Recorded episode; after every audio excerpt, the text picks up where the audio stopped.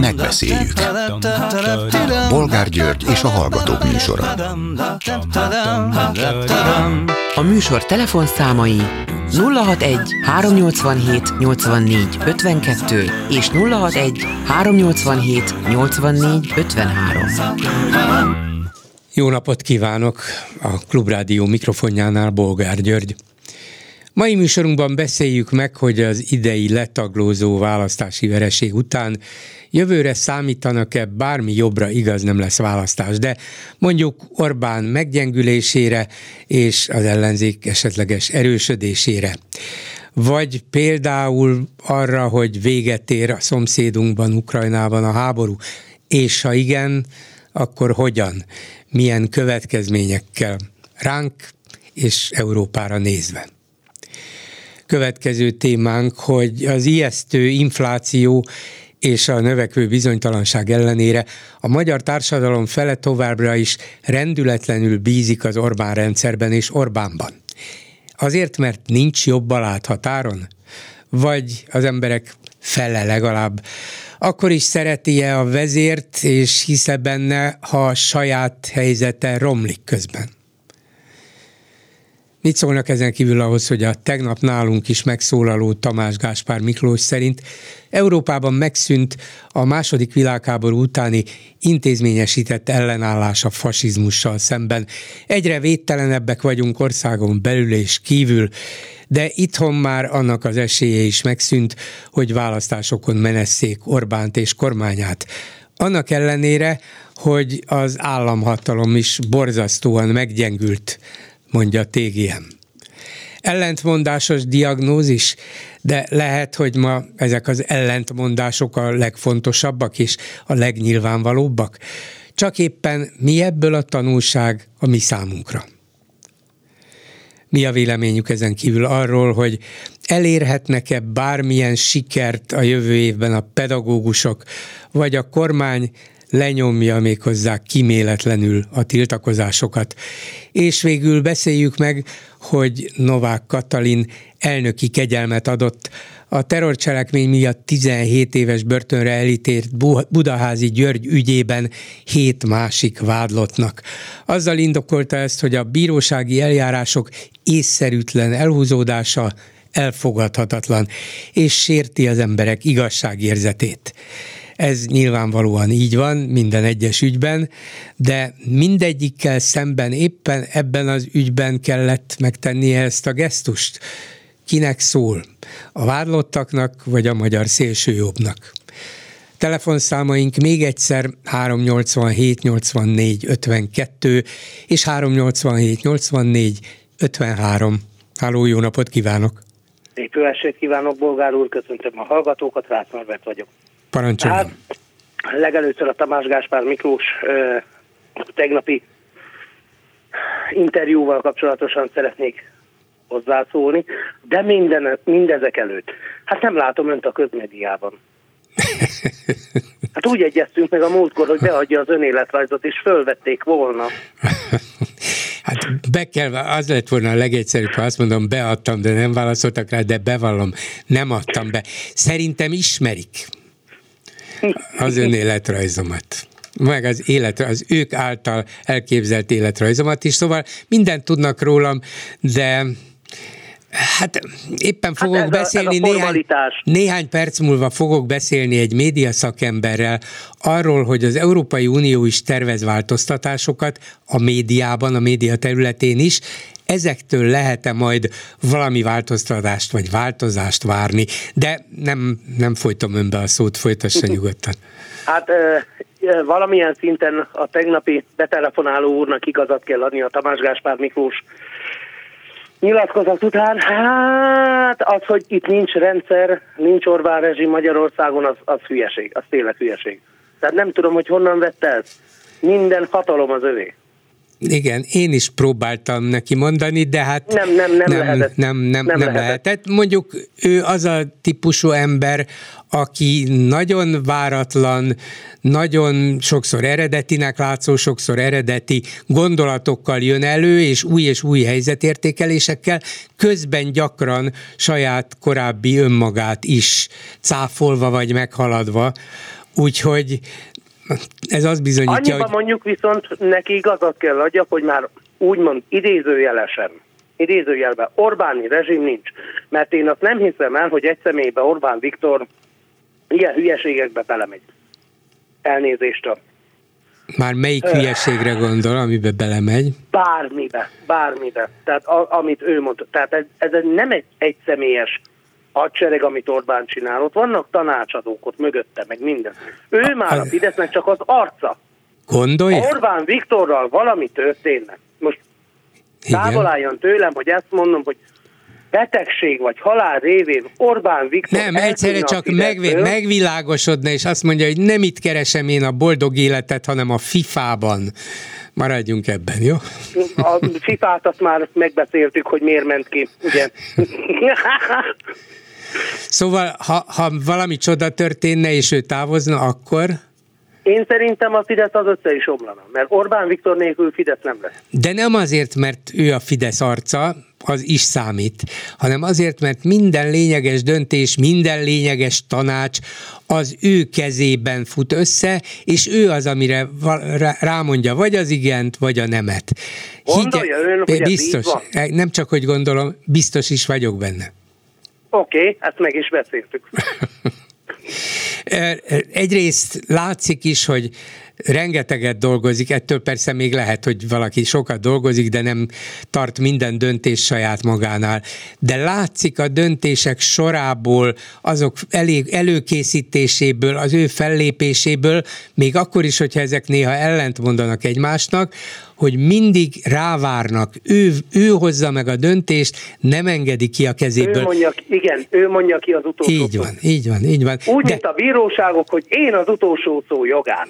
Igen, igen, és hogyha nem így tenné, akkor azt érezné, hogy elvesztette a hatalmát. Hát miért bízná ő az utolsó szót valaki másra?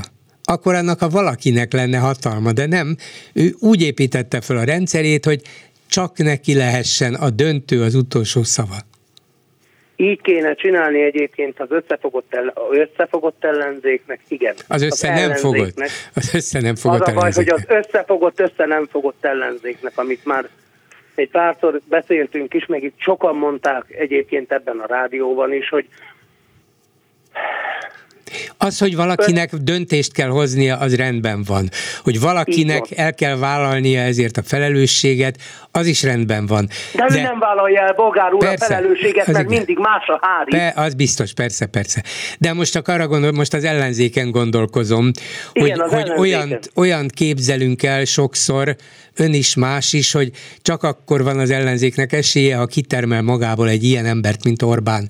De az szerintem rossz válasz, meg lehet ezt csinálni úgy is demokratikusan, hogy persze valaki végül vállalja a döntések felelősségét és súlyát, meg, meg azt, hogy ő az, aki ráteszi a dologra a pecsétet, de előtte kell, hogy legyen egy demokratikus, és sokszor olyan vita vagy döntés előkészítés, amiben a vezetője mondjuk az ellenzéknek azt mondja, hogy jó, hát én itt kisebbségben maradtam, nektek van úgy látszik igazatok, vagy többségetek, én akkor ezt fogom képviselni. A Fideszben biztos nem így megy. Az ellenzékben pedig valamilyen demokratikus módon kellene, hogy menjen, de persze kell, hogy legyen egy látható és érezhető vezető.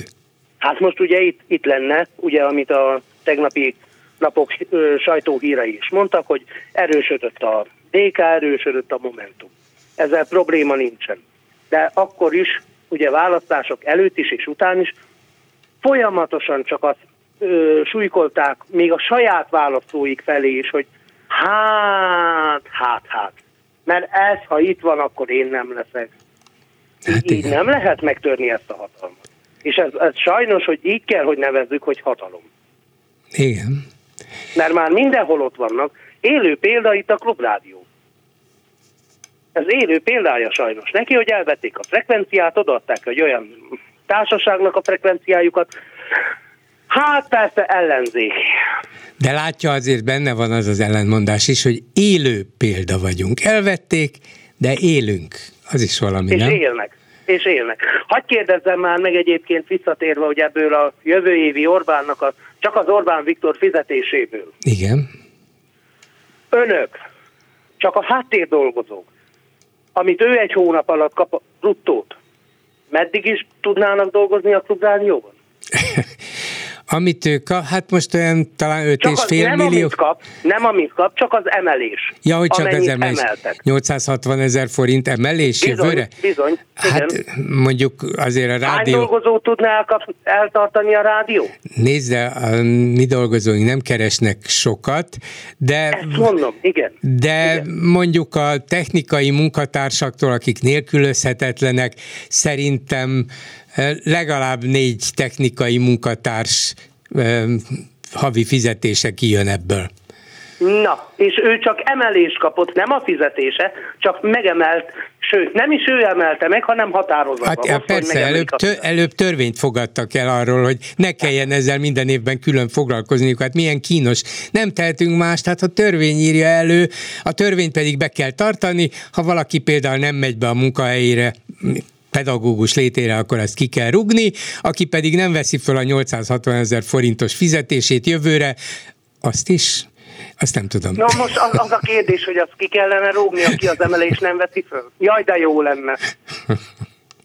Én úgy örülnék neki. Na, szóval cinikus egy kormány, ez maradjunk Nagyon. ebben. Ugyanolyan cinikus, ahogy most mi cinikusan beszéltünk róluk. De egyébként az a 6 millió forintos fizetés, amit majd kap bruttóba, persze hát az bruttóba, hát ő is adózik a magyar társadalomnak. Igen. Hmm, megtermeli saját magának. Igen, így van. Hát, köszönöm szépen. Köszönöm Akkor szépen, minden jót, viszont hallásra. Viszont hallásra. A telefonnál pedig Urbán Ágnes, a Corvinus Egyetem egyetem docense, tanszékvezetője, a Mérték Média elemző műhely kutatója. Jó napot kívánok! Jó napot kívánok! És arra szeretnék egy kicsit bíztató választ kapni öntől. Nem befolyásolom a kérdésemmel, de azért mégis a nagy reménytelenségünkben, hogy várható-e valami az Európai Uniótól a média ügyében az Magyarországon a kormány által lényegében teljesen vagy majdnem teljesen kontrollált média ügyében, és kérde- kérdezem ezt két okból. Az egyik, hogy Vera Jourová, aki az Európai Bizottság illetékes biztosa, adott egy érdekes interjút a Média egynek, ez egy, ez egy portál, médiaügyekkel foglalkozó portál, és ebben eh, beszámolt arról, hogy a bizottság elfogadott egy, egy tervezetet még az ősszel arról, hogy hogyan kellene a média, média tevékenységet szabályozni az uniós tagállamokban, ez az egyik dolog.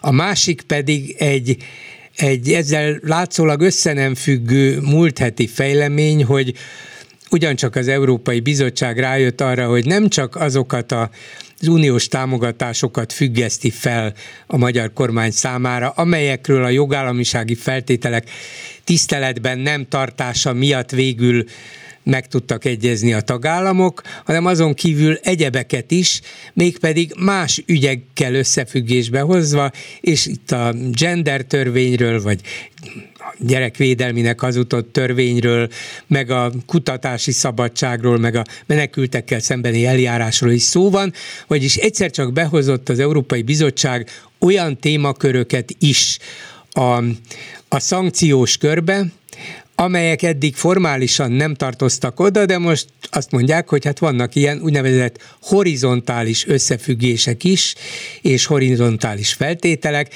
vagyis teljes egészében, teljes szélességében kell látni az unió működését, tevékenységét, az alapjogi karta kiterjesztését az alapvető tevékenységekre. Szóval kezdjük itt, beleférhet-e ezekbe a média? Az, hogy a magyar kormány lényegében befolyása, hatása, kontrollja alá vonta a magyar média döntő többségét, és még azt is, ami nem tartozik alája, különböző eszközökkel igyekszik a befolyása alatt tartani. Ez egy nagyon jó kérdés. Egyrészt ugye azt kell látni, hogy azért van egy nagyon erős hangulatváltozás az Európai Bizottságban, tehát mintha most 2022-ben rájöttek volna, hogy, hogy valóban komolyan kell venni a, a magyar problémát. Ez nyilván nem független attól egyébként, hogy ugye most már azért a magyar kormány mozgásának van egy ilyen nemzetbiztonsági kockázata is egész Európa számára, tehát hogy ugye egészen, egészen idén februárig csak arról szólt a történet, idézőjelbe persze a csakot, hogy, hogy végül is mi történik Magyarország határain belül, és hogy építgetjük, vagy éppen hogy építgetjük le a, a demokráciát. Most már azért ugye van egy szintográs, mert ugye az ismert geopolitikai környezetben azért, azért ez most már nem egy magyar kérdés, hanem egész Európa, vagy az egész nyugati világ biztonságát is meghatározza a magyar kormány néhány külpolitikai lépése. Tehát azt gondolom, hogy ez a háttér, ami miatt egészen elképesztő aktivitást láthatunk most a, az Európai Bizottságtól. Az, hogy a, a média ügyekkel kifejezetten nem foglalkoznak, és most itt a, a pénzek befagyasztása kapcsán mondom ezt, annak alig, hanem az az oka, hogy ugye egyrészt a, a média az tagállami hatáskör, de ami még ennél is fontosabb, az összes többi tagállam nagyon fázik attól, hogy, hogy itt az Unió nagyon elkezdjen bele, beleszólni a média ügyekbe, és, és valamilyen nagyon megfogható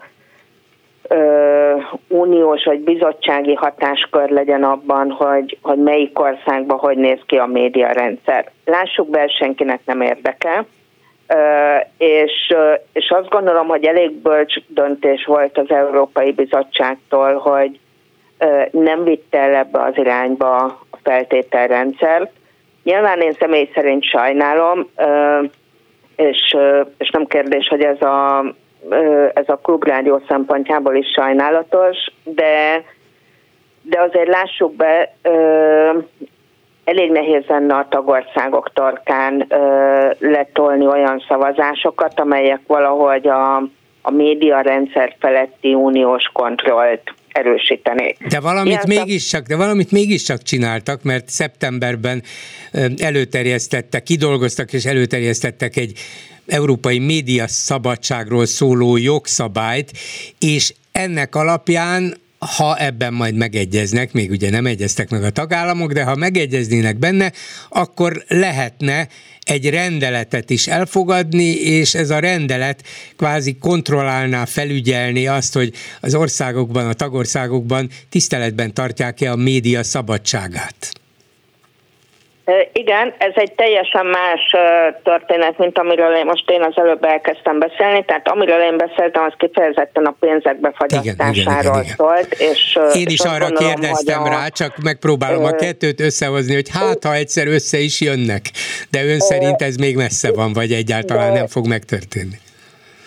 De igen, de hogy egyébként a magyar média problémák fontosságát mutatja, hogy, hogy egyébként ezt is felismerte a bizottság, tehát hogy valamit muszáj tenni ezzel a magyar helyzettel, és ezt nem, nem becsomagolták, vagy hozzácsapták a, a pénzek befagyasztásához és a feltételességi mechanizmushoz és a, a horizontális elvárásokhoz, amit ugye az előbb felsorolt, hanem egy teljesen külön pályán elindítottak valóban egy, egy médiatörvénytervezetet, Ugye ennek most az az majd a következő fázisa, hogy az Európai Parlament tárgyalni fogja, fogalmam sincs, hogy mikor. Abba biztosak lehetünk, hogy, ez egy hosszas folyamat lesz, valószínűleg rengeteg módosító fog majd érkezni a bizottság törvénytervezetéhez, nagyon sokféle érdek fog összecsapni.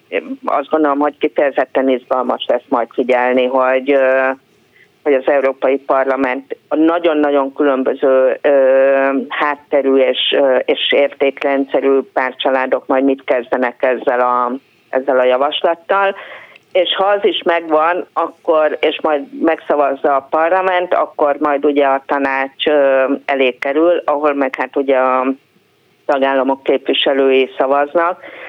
Szóval ez nem lesz egy gyors folyamat, pont azért, mert, mert egy olyan területben nyúl most bele az Európai Unió, ami eddig lényegében kizárólagos tagállami hatáskör volt, és, és ugye van egy ilyen furcsa ellentmondás, hogy egyrészt mindenki szeretné megregulázni most már a, ezeket a, hogy mondjam, renitens liberális országokat, és itt elsősorban persze Magyarországról van szó, de azért ugye félszemmel Lengyelországra is lehet figyelni.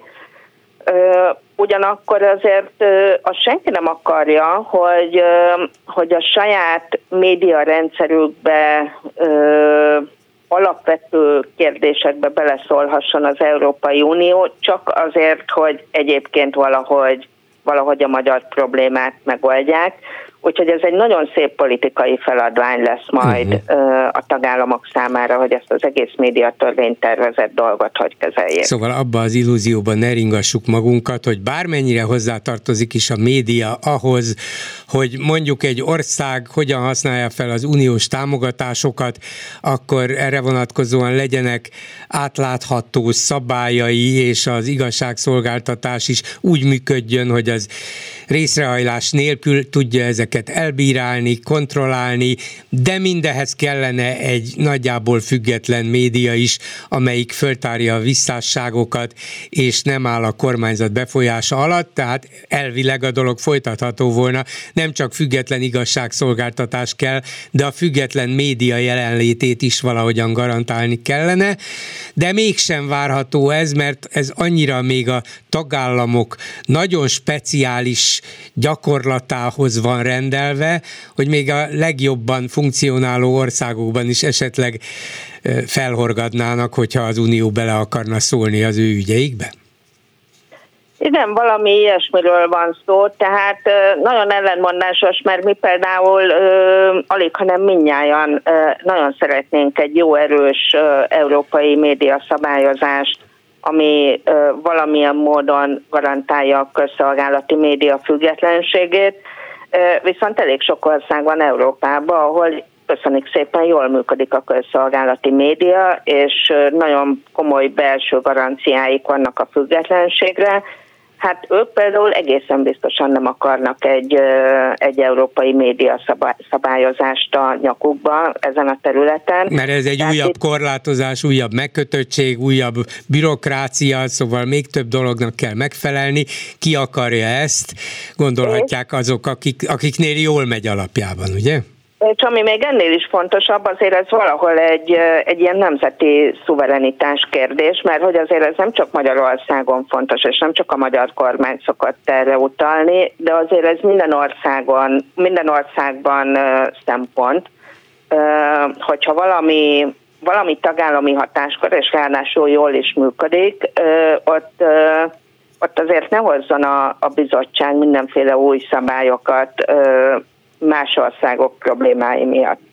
Tehát ez egy nagyon, tényleg nagyon izgalmas helyzet, és, és nem tudom, hogy mi lesz belőle, de azt gondolom, hogy az mindenképpen jó hír a mi szempontunkból, hogy a, a bizottság és a különböző európai döntéshozók azért már egyértelműen felismerték a, a magyarországi problémákat. Ebből a Vera Jourova által adott interjúból is az tetszik ki, hogy mint hogyha az Európai Bizottság is ott látna a főcsapás irányt, hogy az állami hirdetések osztogatásával ne lehessen visszaélni, amint az Magyarországon egész brutális módon történik. Tehát föntartják a médiájukat közpénzből, oda küldik a hatalmas hirdetéseket, a többieket pedig vagy csepegtetve valahogy pórázon tartják, vagy egyáltalán nem csepegtetnek semmit oda, dögöljenek meg szépen maguktól a pénzhiány miatt. De ebbe talán bele lehet bele lehet menni, vagy ebben tudnak kompromisszumot kötni az európai országok? Ez végül is valamiféle piacszabályozási lépés lehetne, és a, a szabad piac azért az egy fontos iránymutató elv az Európai Unióban. Ha egy állam ennyire visszaél a piaci beavatkozásának lehetőségével, azt viszonylag könnyen lehetne szabályozni, nem? Igen, ez egy nagyon jó szempont, amit, amit kiválasztott. Igazából ez az a terület, ahol én is a, a legoptimistább vagyok, mert hogy más országokban ez, ez nem okoz igazán problémát, tehát hogy alapvetően azért szokott lenni egyfajta transzparencia az állami reklámköltésekbe. Tehát az, hogy újabb transzparenciák transzparencia szabályok, vagy európai szintű transzparencia szabályok megjelennek, ez azért valószínűleg nem fogja sérteni a többi ország érdekét. Tehát ebben például szerintem lehetünk optimisták, hogy, hogy itt bizony át fog menni a bizottság javaslata, vagy talán a parlament még keményít rajta, és még, még erősebb transzparencia szabályok felé megy, a, megy el az egész törvény, mert hogy ez, ez egyébként nem, tehát más országokban ez nem, nem érint különösebben, vagy nem sért érdekeket, szembe például a közszolgálati médiával, ahol én nem vagyok különösebben optimista, tehát szerintem azokat a próbálkozásokat majd szépen a tagállamok visszaverik, és, és ott nem várhatunk komoly előrelépés de az állami reklámköltés az szerintem lehet egy ilyen sikerterület majd a, az Európai Médiatörvény szempontjából. Arra lát bármilyen esélyt, hogy az Európai Unió addig is, hogy néhány veszélyeztetett országban életben maradjon a független média, adjon valamilyen megpályázható, de mégis a közvetlen anyagi támogatást ezek, ezeknek a médiumoknak? Hát ez egy nagyon jó kérdés. Én azt gondolom, hogy olyan típusú pénzek, hogy, tehát hogy most valamilyen ilyen nagy pénzasztás, hogy aki független médiát csinál, az jelentkezhet a forrásokért, ilyen biztos, hogy nem lesz azt azért el tudom Szóval abban, abban ne bízunk, hogy a klubrádió jelentkezik, hogy kérek szépen 500 ezer eurót, mert így tudjuk biztosítani a hallgatókkal együtt a fennmaradásunkat. Ilyen, ilyen nem lesz, ilyen pályázat, azt mondja. Én, én azt sejtem, hogy, hogy ilyen nem lesz. Ugyanakkor valószínűleg nő az ilyen projekt alapon pályázható pénzek aránya, ez ugye nem minden szerkesztőségen egyformán, nem minden szerkesztőségen segít egyformán, tehát például valószínűleg a határon, túló, határon túlnyúló oknyomozó projektek készítői azok majd elég sokféle pályázaton indulhatnak, de mondjuk egy, egy rádió, amelyik egyszerűen csak napi műsort készít és, és hírszolgáltatást végez, hát az ugye azért projekt alapon nehezebben húzható fel. Úgyhogy ilyen szempontból picit szkeptikus vagyok, hogy a, a, a klubrádió helyzetén mennyire tud segíteni majd, majd az a fajta pozitív hozzáállás, ami azért kétségkívül érezhető az Európai Unió részéről, de én nagyon-nagyon szeretném, hogyha minél többféle uh, forrás megnyílna, Ugye most civil forrásokról is van szó, tehát civil szervezeteket is próbálnak nagyon megsegíteni. Tehát azt gondolom, hogy hogy elkezdődött egyfajta komoly munka a bizottságban, és, és megpróbálnak valahogy segíteni azokon a szereplőkön, akik tényleg őrzik még a demokrácia maradékát Magyarországon, és, és más országokban is persze. Úgyhogy ilyen szempontból lehetünk optimisták, hogy azért kellően kreatívak lesznek ahhoz, hogy, hogy mindenféle forrásokat megnyissanak, olyanokat is, amelyek adott esetben a klubrádiót segíthetik. Hát bízunk ebben így 2022 végén, hát a 23-ban jobb lesz. Köszönöm szépen Urbán Ágnesnek, a Corvinus Egyetem tanszékvezető egyetemi docensének, a Mérték Média Elemző Műhely kutatójának. Viszont hallásra! Köszönöm szépen, viszont hallásra! Háló, jó estét kívánok! Halló, jó estét kívánok! Hallgatom, Halló. parancsoljon! Halló, jó estét kívánok! Igen, én hallom önt, remélem ön is hall engem. Igen. Én a guló dollárok ügyébe szeretnék beszélni, mert ugye már hetek óta ezt halljuk állandóan a guló dollárokat, és hogy ezt az ellenzék igénybe vette, és Amerikából jött ez a pénz, de azt nem hallottam még egyáltalán senkitől az ellenzék részéről se, hogy Löpen, mikor indult a választásra, a francia választáson, akkor eljött Magyarországra is, úgy mondták, hogy kölcsönkért tulajdonképpen. És az Orbán Viktorral tárgyalt ebbe az ügyben, most nem emlékszem pontosan, hogy 3 millió eurót, vagy 3 milliárd forintot, de kölcsönkérte a választásra ezt a pénzt. És erről senki nem szól egy szót se, hogy ez a pénz hogyan és mind, milyen pénzből került az a francia választás ö, kerekébe bele.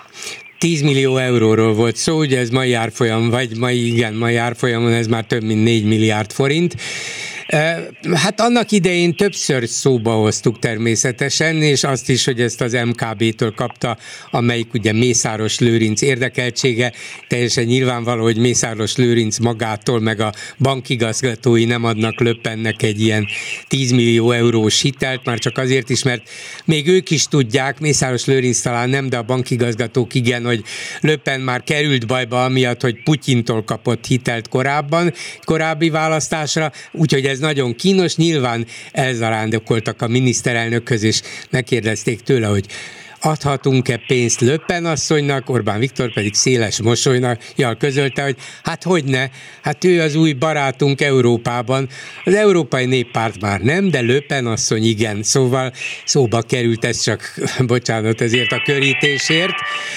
A guruló eurók szóba kerültek, de de ez nem akadályozza meg a Fideszt abban, hogy a magyar ellenzék guruló dollárjairól hapacsoljon folyamatosan. Én ezt mind értem, és jól, de hát hogyha erről hallgatsol, hogy azt a, tulajdonképpen az az amerikaiaknak a pénze mi, közül, mi köze van a, a, a Fidesznek ehhez a pénzhez, az a pénz pedig nem tudom, hogy ugyan a Mészáros bankból mente, vagy akármelyik bankból, de mégis valami közpénzhez, valami mégis van köze, akkor, akkor az rendet biztonságilag nem, és ez a pénz visszajön majd Magyarországra, vagy hogyan lesz ez az egész? Olyan zavaros az az, mikor ez a másik pénz, amely Amerikából jött a választáshoz, ez most már tiszta, hogy ez a választása adta az amerikai nép tulajdonképpen. Hát igen, vagy olyanok, akik érdekeltek abban, hogy Magyarországon legyen demokrácia és tisztességes rezsim.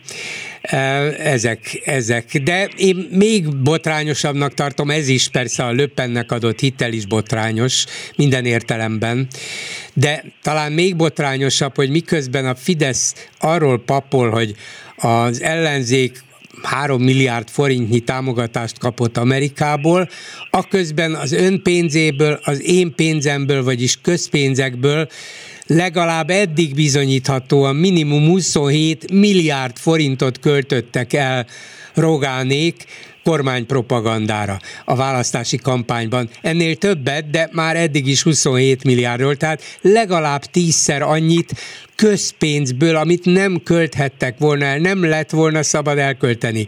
És ők ezen a három milliárdos, egyébként nem az ellenzéki pártoknak, hanem a mindenki Magyarországa civil mozgalomnak adott pénzen ugrálnak, természetesen hát propaganda szempontból polgár, ez mind rendben van, de ez a pénz, ez az amerikainak a pénze. Persze. Nem itteni pénz. Nem, ez, nem, amit, nem. A, így amit a Rogánék elköltöttek 27 milliárdot is, meg amit a Löpennek adtak, az mind közpénz, mert az a Mészárosnak a pénzé nem tudom, lehet, hogy a Mészáros bank hitelezte ezt, és, és szerződésben le van fektet, hogy ezt a Löpen visszaadja, de nem nyerte meg a választás, Löpen se, az nálunk is az ellenzék nem nyerte meg az amerikai pénz segítségével, de hát ez a pénz, ez közpénz, amit itt elköltenek, löppennek, meg amit odaadtak, az, az se hiszem, hogy visszajön. Az egy másik kérdés, de a löppennek adott hitelre nem lehet azt mondani, hogy ez közpénz, legalábbis formálisan nem, mert egy magántulajdonban lévő bankból ment. De miután nyilvánvalóan nagyon kínos politikai érdekeket érint, ezért egyértelmű, hogy erre politikai jóváhagyás, ehhez politikai jóváhagyás kellett, mint ahogy az MKB bank létrejöttéhez is, igen, kellett közpénz és kormányzati segítség. Az a bank ebben a mostani formájában nem jöhetett volna létre, tehát közvetve ott is van közpénz, igen. Úgyhogy, úgyhogy ezt az ellenzéknek azért ki kéne használni, és, és jobban, jobban harsogni és mondani, hogy jó, ez, ez egy, egy, de erről tudunk, és amiről esetleg nem tudunk, ha-ha-ha. Igen, hát arról sajnos nem, nem tudunk. Az a baj, hogy, hogy erről persze tudunk, meg erről a hitelről is tudunk, meg tudunk az állami hirdetéseknek az irtózatos mértékéről is, de hiába tudunk, hiába mondjuk el, hiába írjuk le, ez nem jut el a magyar társadalom döntő többségéhez. Az pedig, hogy dollár baloldal, dollár baloldal, guruló dollárok, az naponta 55-ször elhangzik, leíródik, és mindenhonnét ez jön vissza. Igen, a miscsapból is ez, hogy ha, az embereket fogadják el. Úgyhogy az ellenzéknek is kéne azért ezt a, ezt a ő vízcsapját megnyitni és mondani ezeket a dolgokat. Igen. Mert itt, itt nagy pénzekről van szó. Igen, így van. Nagyon szépen köszönöm, köszönöm szépen, hogy jelentkezett. Minden jót, viszont hallásra. A telefonnál pedig Csákvári Géza, filmes újságíró, filmkritikus, korábban a Klubrádió műsorkészítő munkatársa, szervusz! Szervusz! És arról a filmsorozatról kérdeznélek, amelyről te is írtál a népszavában, és azzal a címmel jelent meg, hogy történelmi filmnek álcázott mozgóképes csőd az aranybulla.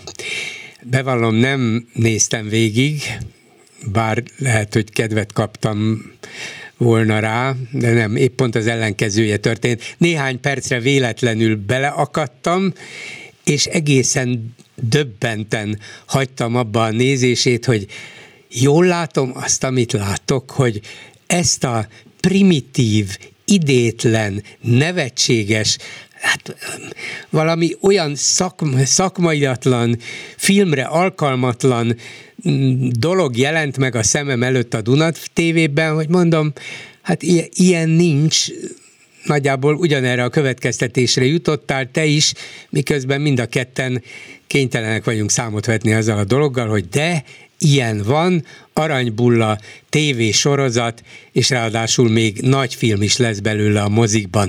Mi ez, amit láttál? Hát ez egy, hogy mondjam, mondjuk azt, hogy egy alkotói tévedés, vagy, vagy inkább egy alkotói önmegvalósítás. Ugye Rákai Filip áll a sorozat mögött, mint producer, hát időt lett és ő ugye most alanyi művészként nyilvánul itt meg a, a, a magyar mozgóképes ténán, tehát nem csak ezt az aranybullát készíti, hanem jön majd a 6 milliárdból készült Petőfi film, a Most vagy Soha, az is az ő produceri gondoskodásával. Mondjuk így, hogy ez egy ilyen megdöbbentő felvezető. Tehát ugye nekem nem azzal van problémám, mint ahogy ugye általában elkövettem azt a hibát, hogy a saját kritikám alá belolvastam a kommentekbe. Tehát, hogy nem azzal van a bajom, hogy az aranybulláról készül valami, hanem hogy hanem hogy, hogy hogy? készül. Tehát hogy, ez, bármiről hogy? Készül, ez bármiről szólhatna, ez bocsánat, nem mondom ki a négy betű szó, de ez olyan. Igen, mert az aranybulláról miért ne lehetne nagyon érdekes, egyszerre informatív, másrészt akár tartalmilag is izgalmas, filme, filmes módszereket jól alkalmazó filmet vagy tévésorozatot készíteni, hát végül is a magyar történelem egyik kimagasló eseményéről van szó, hát hogy ne kívánkozna ez akár filmre, csak ahhoz filmesek kellenének, olyan forgatókönyvírók, akiknek van valamilyen fantáziájuk, elképzelésük, meg a történelmi hitelességhez is tudnak ragaszkodni, olyan rendezők, olyan producerek, hát én nem tudom, millió dolog kell hozzá, de végül is a világban már kitalálták, vannak országok, ahol remek történelmi filmeket készítenek, és nem kell szégyenkezniük miatta. De ilyet szerintem Magyarországon még a kommunista időkben se csináltak, sőt, hát akkor mégiscsak, mégiscsak művészek készítettek történelmi filmeket. Azért vannak nekünk hagy, hagyományaink az ilyen minőségű filmekbe, de, de abban igazak, hogy adnom, hogy sikerült azokat is alulbúni. Tehát én nem gondoltam volna azt, hogy én azt mondom az Aranybula után, hogy visszasírom Koltai Gábort is művészetét. Ja, őszintén szóval nem Koltaira gondoltam, én még a még korábbiakra. Az én, én fiatal vagyok ahhoz, a, hogy, hogy tudjam, hogy mi volt a rendszerváltás előtt. előtt én a rendszerváltás utáni generáción ugye élvezhettem át a szakra korona, a honfoglalás, meg ezeket a, igen, igen. Ugye a, a, a filmeket, ahol a sztyeppén öt darab ember lovagolgat, és akkor az a honfoglaló ö, csapat, és a és a, a, az emberek zokognak, zokognak el ezen az egészen. Van, aki így, van, aki úgy, tehát, hogy más-más sokkal, de tényleg, tehát, hogy én ezt értedetlen tartom, tehát ez, ez az egész, amit itt látunk, tehát ez annyira igénytelen, hogy nem hittem el, a, a, a, hogy amit látok, azt, azt látom. Tehát én nem szoktam ennyire neki menni általában a, így a kritikába a filmnek, mert, mert nem tartom ezt a úgymond ezt a, ezt a, ezt a nagyon negatív ekézést, mondjuk így használjuk ezt a szót, túlságosan produktívnak, de ebben az esetben nem lehetett más tenni. Tehát ez, ez ez az abszolút, ugye, és ez a sorozat, ez, ez, ez is egy milliárd forintba került. Tehát ez egy ilyen Csak ez a, TV sor, ez a TV sorozat, és akkor ebből, még ebből fog készülni ez a bizonyos játékfilm? Hát szerintem ugyanez lesz, csak a, mondjuk a dokumentar tippem, uh-huh. nem én vagyok a, a rendező, és én azt se tudom ki a rendező, Kriskó László, fogalmas. Ja, hogy te se tudod ki ő? de egyszerre csak kapott egy milliárdos film megrendezésére lehetőséget. Aha. Igen, tehát hogy, tehát, hogy láttam, hogy van valamilyen tévés háttere, de hát nyilván, nyilvánvalóan, tehát ugye az, a, mondtad is korábban, hogy, hogy ugye érthetetlen, hogy, hogy miért nem csak egy normális filmet. Én nagyon-nagyon-nagyon várom, tényleg, tényleg rettetesen várom azt a konzervatív alkotót, nemzetérzemű alkotót, aki tehetséges nem aki úgy gondolja, hogy tehetséges, hanem hogy az. Tehát ebből nekünk nagy hiány van a, a nemzeti fronton.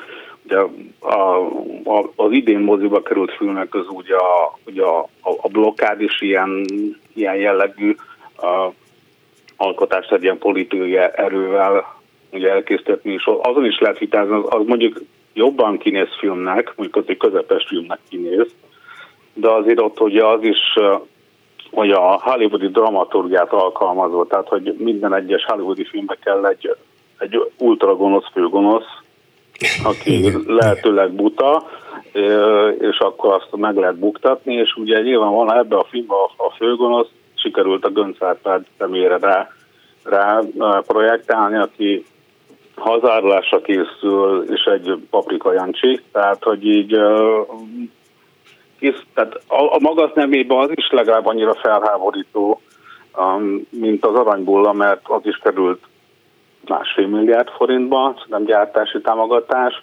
aztán a csak az legalább filmes, csak az legalább filmes szakmai oldalról normálisabban van összerakva, megcsinálva.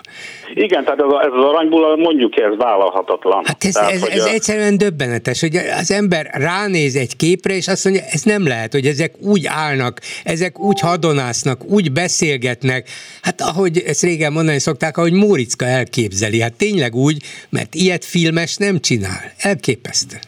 Hát igen, amit, amit azt hittem, tehát, hogy ebben olyan alakítások vannak, amit általában tréfából szokás elkövetni. Tehát, hogy tényleg egy ilyen Benny Hill show, bár még, még ez is túlértékelem. Hát abszolút, ugye... azon legalább röhögni lehet. Ezen még csak Igen. az sem, mert az ember Azt mondja, hogy hát ez röhelyes ugyan, de hát elképesztő, hát rosszul vagyok. Hogy, igen, hogy hát, létezik hát, ez? Igen, igen, igen, tehát hogy így se rendező, se operatőr, se forgatókönyv nem volt, és színészek röhelyes iskolás dialógusokkal szenvednek, és nem állunk meg, tehát azért jön nem sokára a Hadik című huszáros film. Ezek után én attól se várok olyan nagyon nagy dolgokat, és ugye jönnek ezek a úgymond a Ugye a, a K.L. Csaba kormány biztos mondta azt, hogy, hogy meg a Rákai Fülöp, ugye amikor a Petőfi filmnek volt egy ilyen bejárása a fóton, ahol forgatták. A újságírói kérdés nélkül elmondták a választ, a kérdést is, meg a választ is, hogy, hogy biztos nagyon meg akarjuk kérdezni, hogy miért készülnek ilyen filmek, hogy ezt most a törös miért kell megcsinálni. És akkor az a válasz, hogy azért, mert nem csinál meg más helyettünk. Én úgy emlékszem például Pálfi Györgyi csinált volna egy, egy Toldi filmet, éveken keresztül próbálkozott, de valahogy nem.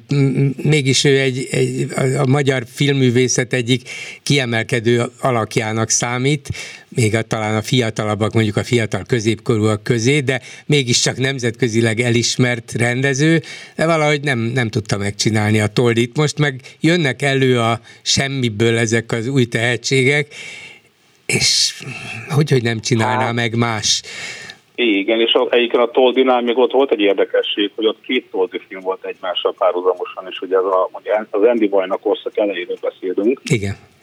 Itt Kál Csabánk is volt egy Toldi filmterve, ugye ő a jelenlegi kormánybiztos, illetve a rendező, és a forgatókönyvírója meg a Fonyódi Tibor, aki most a forgatókönyv fejlesztési igazgató, tehát hogy így ez alapján elképzelhetjük, hogy milyen lett volna az a Toldi, ugye ott akkor az egyik film sem, sem ment át, de hát mondjuk azt, hogy, a, hogy, a, hogy az a fajta szellemiség került most oda, és az a fajta, az a fajta alkotói kör, akik eddig nem jutottak szóhoz, de mint kiderült, nem azért nem jutottak szóhoz, mert hogy mit gondolnak politikai szempontból, azt szerintem teljesen mindegy egy, egy, egy művész esetében, tehát én Clint is nagyon szeretem, de viszont nem vagyok republikánus, de hogy ezek azért nem jutottak ezek az emberek szóhoz, mert nem volt miért.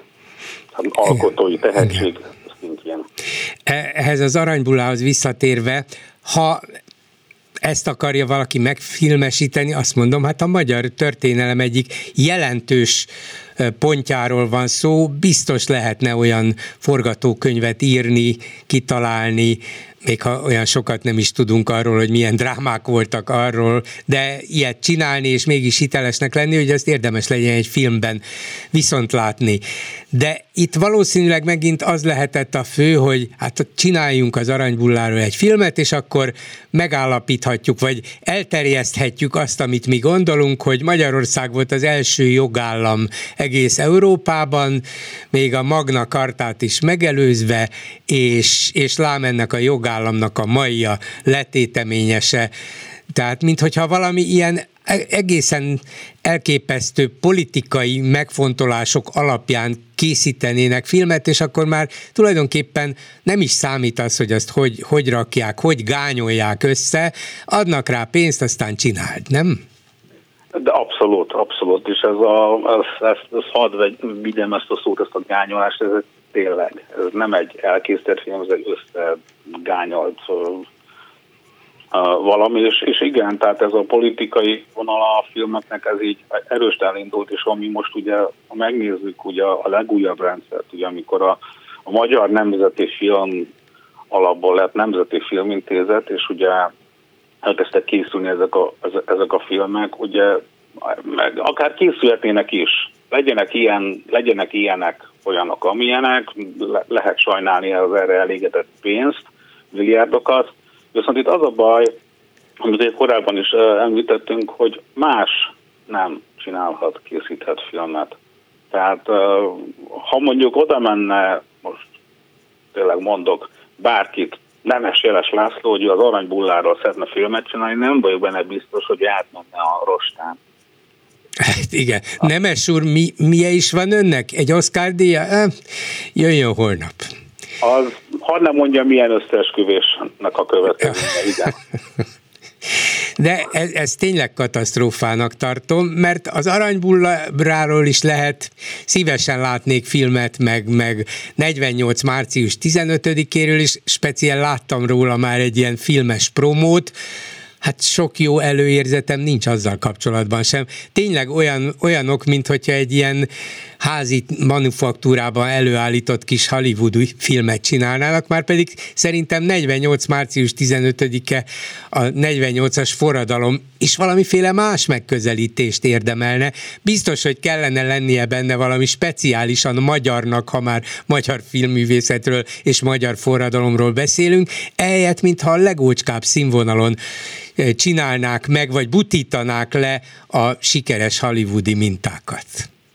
Hát ezek sikeres, úgymond B-kategóriás minták. Igen, tehát, persze, persze, tehát, persze. Tehát ez egy olyan műfaj, ami ma már nem létezik.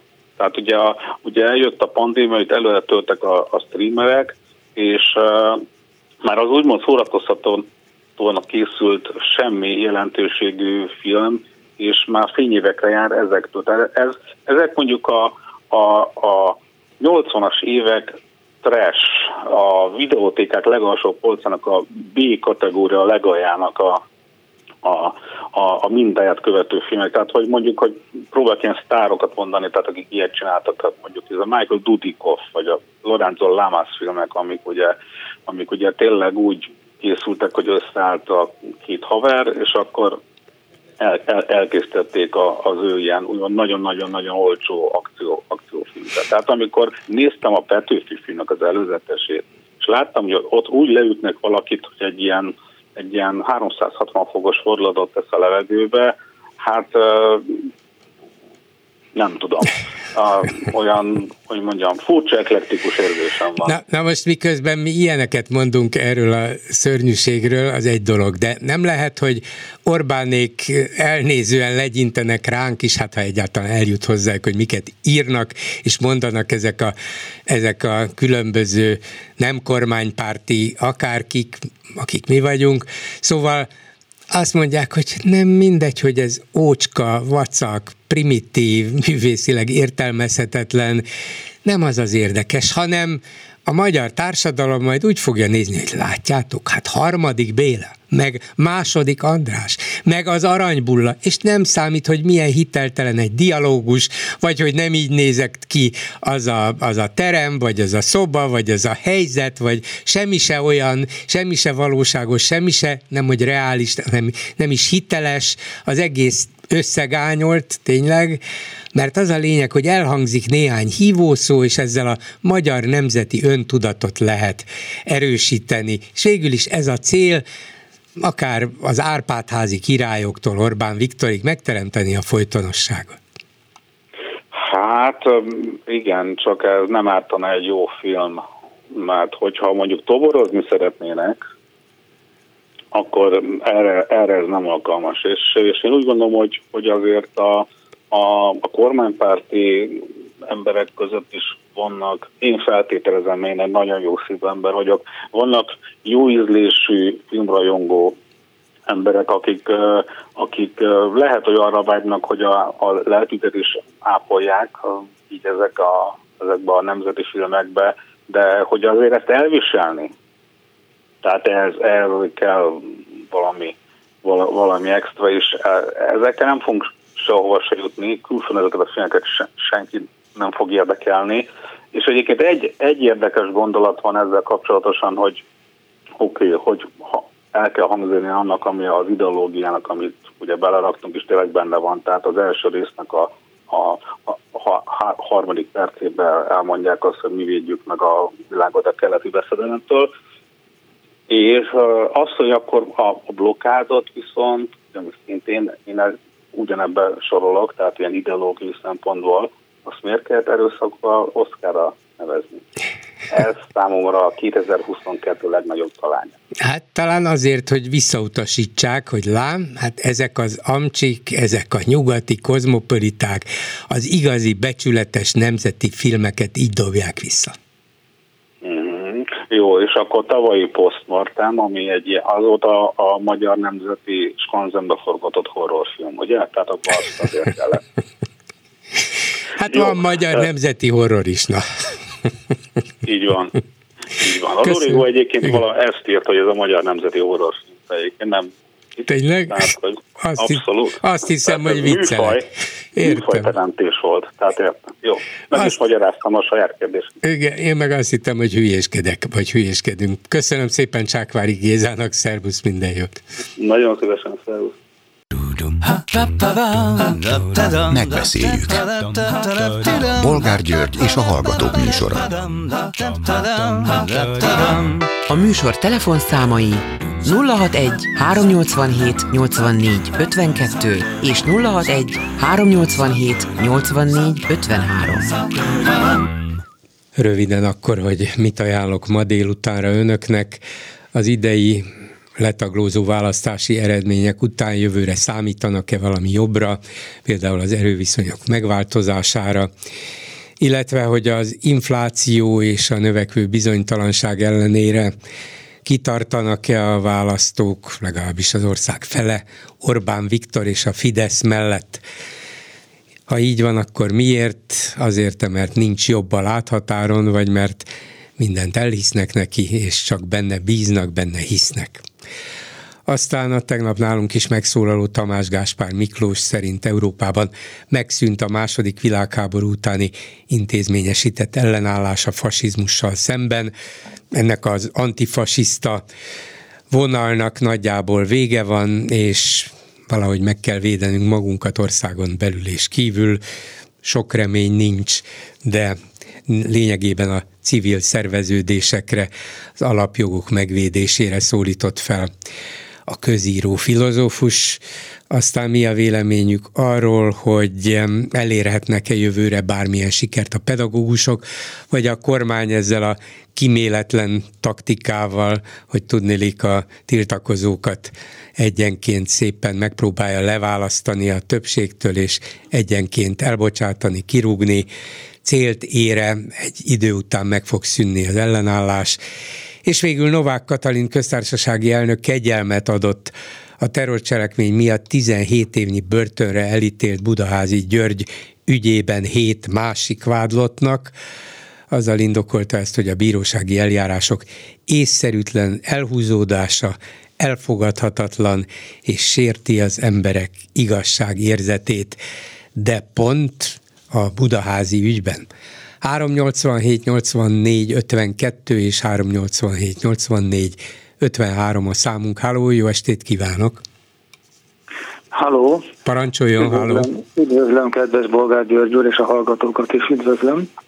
A Tamás Gáspár a kapcsolatos témával kezdeném, illetve hát előtte már a műsorban egy úriember nagyon szépen megbeszélte önnel ezt a kérdéskört, és erre csak annyit mondanék, hogy hát igen, minden döntés mögött ott van az Orbán Viktor úr, csak az a kérdés, hogy mit és hogyan készítenek, és kik ilyen ismeret anyaggal elő neki, amiből ő valamilyen döntést tud hozni.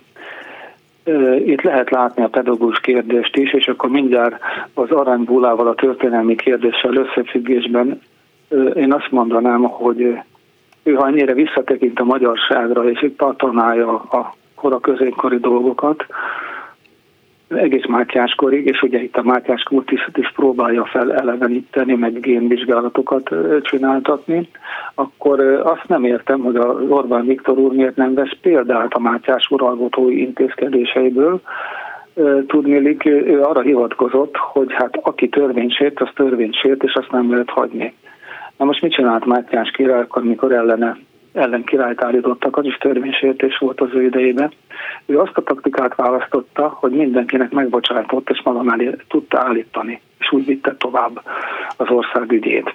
Ez nagyon kevés esetben fordul elő a világ történelemben is, és a magyar történelemben is. Ez egy nagyon pozitív példa.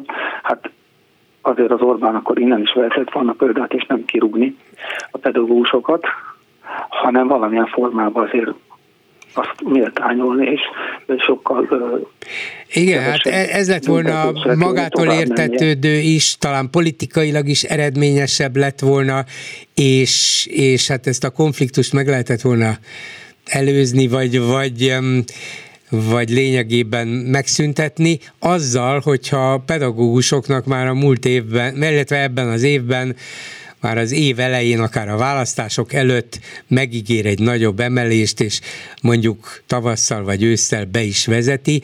Annyi pénzt költöttek el ebben az évben, hogy az a plusz 1-200 milliárd, ami a pedagógusok megnyugtatására, nem a, a végül is nem a követeléseik elfogadására, de megnyugtatására elég lett volna a többség leszerelésére, annyi biztos rendelkezésre állt. Nem is értem, hogy miért nem ezt választották, és miért ezt a, ezt a tagadást, ezt a szembenállást, sőt a fenyegetést, megfélemlítést, kirúgást. Hát nem jó módszer, egy nagyon nyakas módszer. Köztársasági elnök meg az, hogy asszony ezt meglépte, az egy nagyon pozitív dolog, már korábban is meg lehetett volna lépni, és más témakörökben is lehetett volna kegyelmet, meg méltányosságot gyakorolni.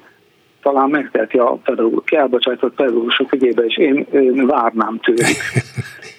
Hát ezt nem tudom, hogy a köztársasági elnök beavatkozhat-e abban, hogy valakit elbocsátanak el a munkahelyéről és vegyék nem vissza. Tudom. De, de ha megszólalna...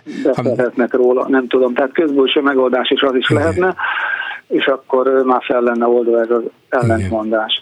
A, ezzel kapcsán ugye szórják a pénzt, tehát guruló forintok vannak, nem csak guruló dorálok, mert a kormányon belül is össze-vissza mennek a forintok. Az előbb a hírekben bemondták, hogy egy a, a könyv, könyvtárnak a raktárát mivel borítják, hát az is fölösleges kiadás, és akkor visszatérve minap azt látom állandóan, hogy így fog kinézni a budai királyi palota, meg úgy fog kinézni a budai királyi palota. Utána néztem, korábban foglalkoztam az ügyel szakmai társaságot, és próbáltam összehozni.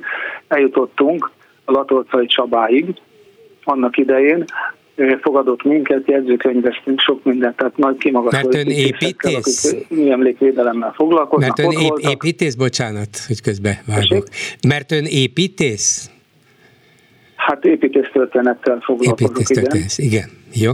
És tehát ezért próbáltam összehozni ezt a társaságot. Fogadott minket a Latolcai Csaba, amikor még hozzátartozott az ügy, és elmondtuk a véleményeinket, amikor még miatt a lovardát meg a, a helyőrségi részt ott helyreállították volna a budai várba, és javasoltuk azt, hogy ezt a középkori árkot azt nem kell betemetni, hanem le lehet fedni, úgy, mint a, a Párizsba csinálták a, a megoldást, hogy hát átlátható üveg födémet tettek fölé, Pécsen is van ilyen megoldás Magyarországon, és alatta bejárható azért az a középkori raktár, falrész és raktárnak lehetne használni, tehát a kőraktárnak vagy bárminek lehetne használni azt a területet, nem jutottunk semmire se velük.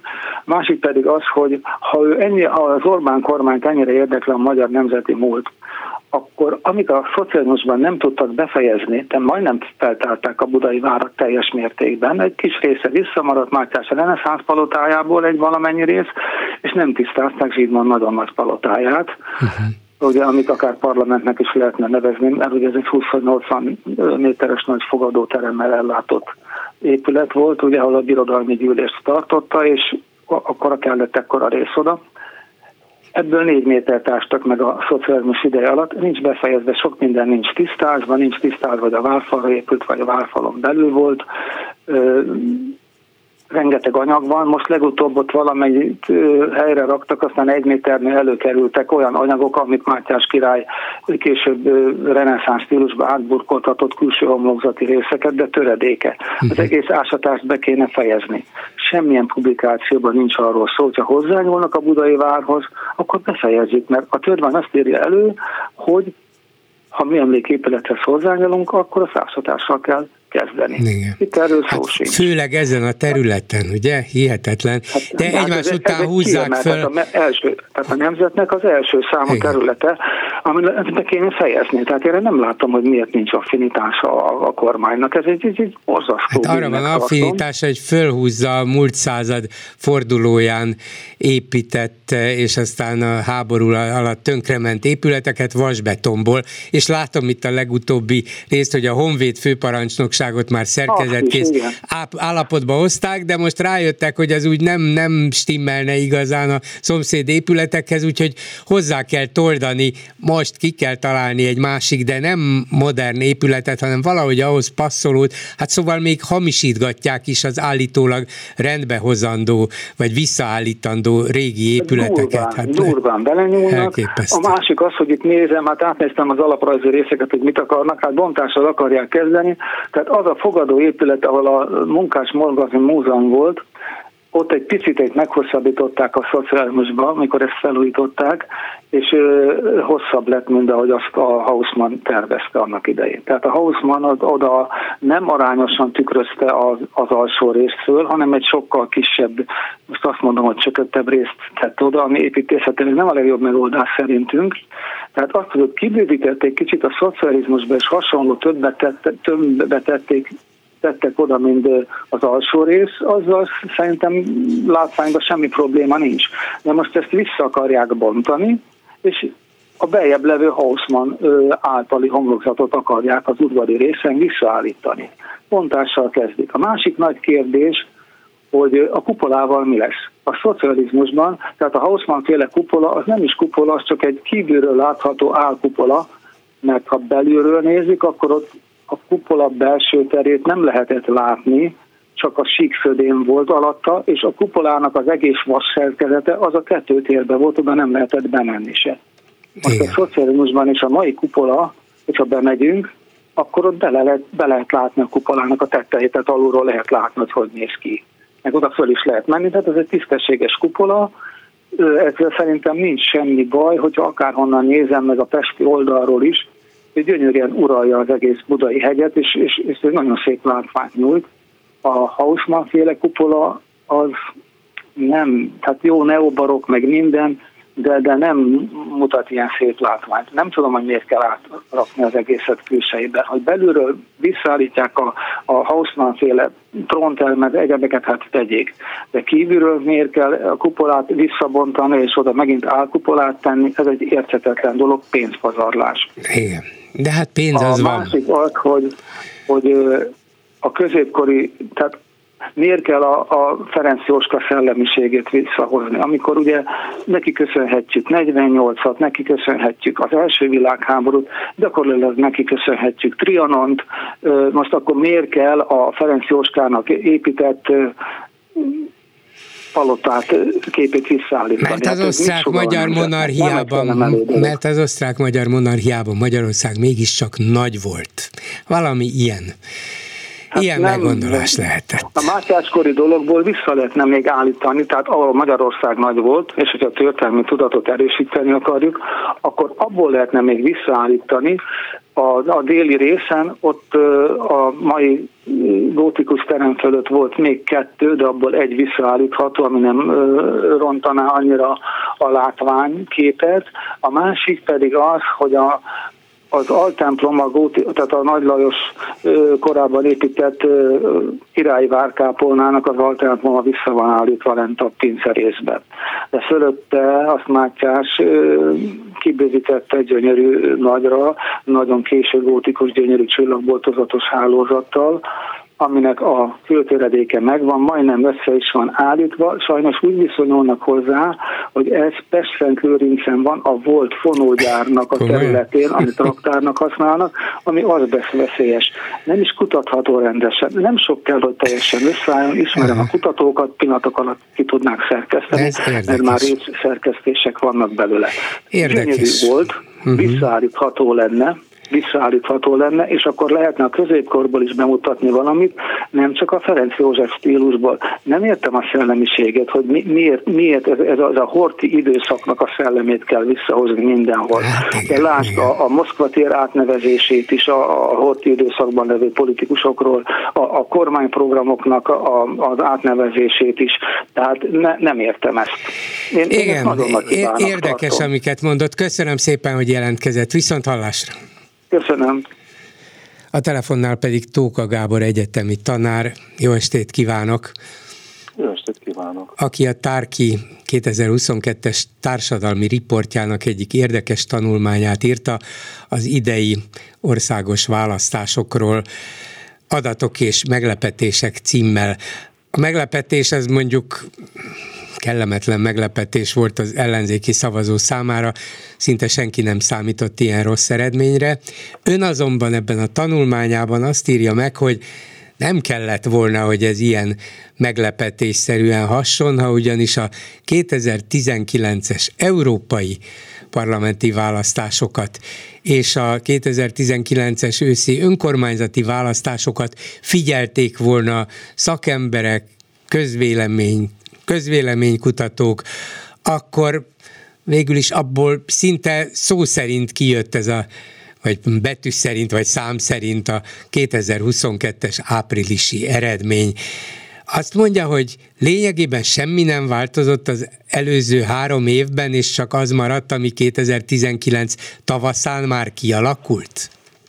Nem, nem, az állítás az egy kicsit más, tehát nem a véletbe, egy, valami véletlen egybeesés itt az érdekes 2019 és 22 között, hanem ugye az, hogy szisztematikusan rossz várakozásokat épített az ellenzéki tábor és annak a különböző hát beszélő fejei a választás előtt részben nyilván azért, mert nem tudtak fölvállalni, vagy nem voltak képesek megtenni még olyan dolgokat, amelyek szükségesek lettek volna ahhoz, hogy a 2019-es szinthez tovább léphessenek. Ugye azt érdemes itt átgondolni, hogy mi ez a 2019-es szint. Tehát ugye 2018-ban az ellenzéki pártok, a hat párt ugyan több szavazatot kapott, mint a Fidesz, de ugye az még egy olyan ellenzéki tábor volt, amelyikben hát a Vona Gábor féle jobbik volt a legnagyobb párt, és amiben az LNP is egy olyan párt volt, amelyik hát elzárkózott mint párt a a, a Molnár Gyula féle MSZP-vel, meg a Karácsony Gergely féle párbeszéddel és a, a, a, a Gyurcsány féle Gyurcsány Ferenc, Gyurcsány Ferenc vezette DK-val való együttműködéstől. A választás után ugye kilépett a pártból hatházig, kizárták, szél kizárt, kilépett hatházig, kizárták, és hát ott hónapokon keresztül láthatóan nagyon megosztott volt a párt abban a tekintetben, hogy hogy az együttműködés lett volna helyesebb irányvonal. Hát a 18-as választás után ugye a Jobbikot a részben, a mi hazánk megalakult, és ugye Vona Gábor is távozott a pártból. Tehát a Jobbikban belátták azt, hogy ez a Vona Gábor féle dolog, hogy ők egyedül majd valamit el tudnak érni, ez megbukott, Vona Gábor levonta a következtések ebből. A, a, ugye a Novák uh, Dúró uh, Torockai féle tábor is levonta a következések, akkor most nekik vissza kell venni a hatalmat a pártban, és visszavinni a, a, a szélsőjobbra a, a, a jobbikot, ez nem sikerült, akkor utána megadták a mi hazánkot. Tehát a jobbik is nagyon bezuhant minden folyamatok nyomán, és 2018 végére már csak egy ilyen 6-7 százalékos párt maradt, amelyik lélektanilag teljesen föl volt készülve arra, hogy belép egy hatpárti ellenkezék együttműködésbe, meg is jelent ugye Vandadam Andrea és Jakab Péter alapszolgatügetéseknek a színpadán, a többi pártok képviselői mellett, és aztán hát fokozatosan eljutottak ugye a 2019-es önkormányzati választáskon az szövetségről indulásig. Az LNP is ugye megtizedelődött, 7%-os pártból 7,5%-ról lement egy 2%-os pártba, de aki maradt az, az már híve volt ennek az együttműködésnek. Csak ugye ezt ez ugye egy megtépázódott hat párt volt, tehát itt 2019-ben, akik lélekben, készen voltak erre az együttműködés, ezeket össze lehetett adni, ez egy helyes kalkulus volt, csak ugye ott volt a, hát a rossz Csak a hatból kettő közben elvesztette a támogatóinak a nagyobb részét. Hát a kétharmadát nagyjából elvesztették uh-huh. a támogatóiknak, és ugye ezt nem vallotta be magának ez az ellenzéki tábor, hogy ők, tehát ez még nem elég, hogy ők haton összeállnak, ez nem elég, ezt, ezt hát vagy belátták, vagy nem látták be, de minden esetre az, azt, ami még tartalomfejlesztésben, új arcokban, szervezetépítésben még ezen felül szükséges, még az összefogáson kívül szükséges lett volna ahhoz, hogy, hogy, hogy föl tudják venni a, a, a harcot 2022-ben a fidesz arra hát vagy erejük, vagy idejük, vagy elszántságuk nem volt. Tehát azért ez a, a hat párt önálló léte szempontjából bizonyos engedményeket követelt volna meg ez a fajta továbblépés, amire hát nem tudták rászállni magukat. Az előválasztás szabályait is ugye úgy alkották meg, hogy hogy hát inkább a, a, a hat párt közötti ilyen vetélkedő, mint sem, hogy egy erős ellenzék építését célozta meg a dolog, tehát például kitalálták ugye ezt a második fordulót, aminek az volt a feladata, hogy a, a, a kiválasztva a legnagyobb támogatottságú ö, ö, ö, miniszterelnök, ö, nem, nem a legnagyobb támogatottságú miniszterelnök jelöltet válassza ki, hanem aki mögé a, a legnagyobb kisebbség áll oda. Ugye ezért erre volt kitalálva az, hogy három jelölt jusson be egy második fordulóba, hogy azért ne, nehogy már az legyen, hogy többségi támogatottságot kelljen felmutatni, ahhoz, hogy valaki nyerni tudjon, tehát eleve úgy voltak kitalálva szabályok, hogy azért ne valami integráló embernek kelljen lenni a győztesnek, ne kelljen túllépni a győztesnek a saját tábor kereteink el, körül. Tehát ez volt az alapprobléma, az, hogy most a kampányban esetleg hibák is voltak, vagy hogy nem volt jó válaszuk az ukrajnai háborúval kapcsolatos kormánypropagandára, vagy az osztogatással kapcsolatos.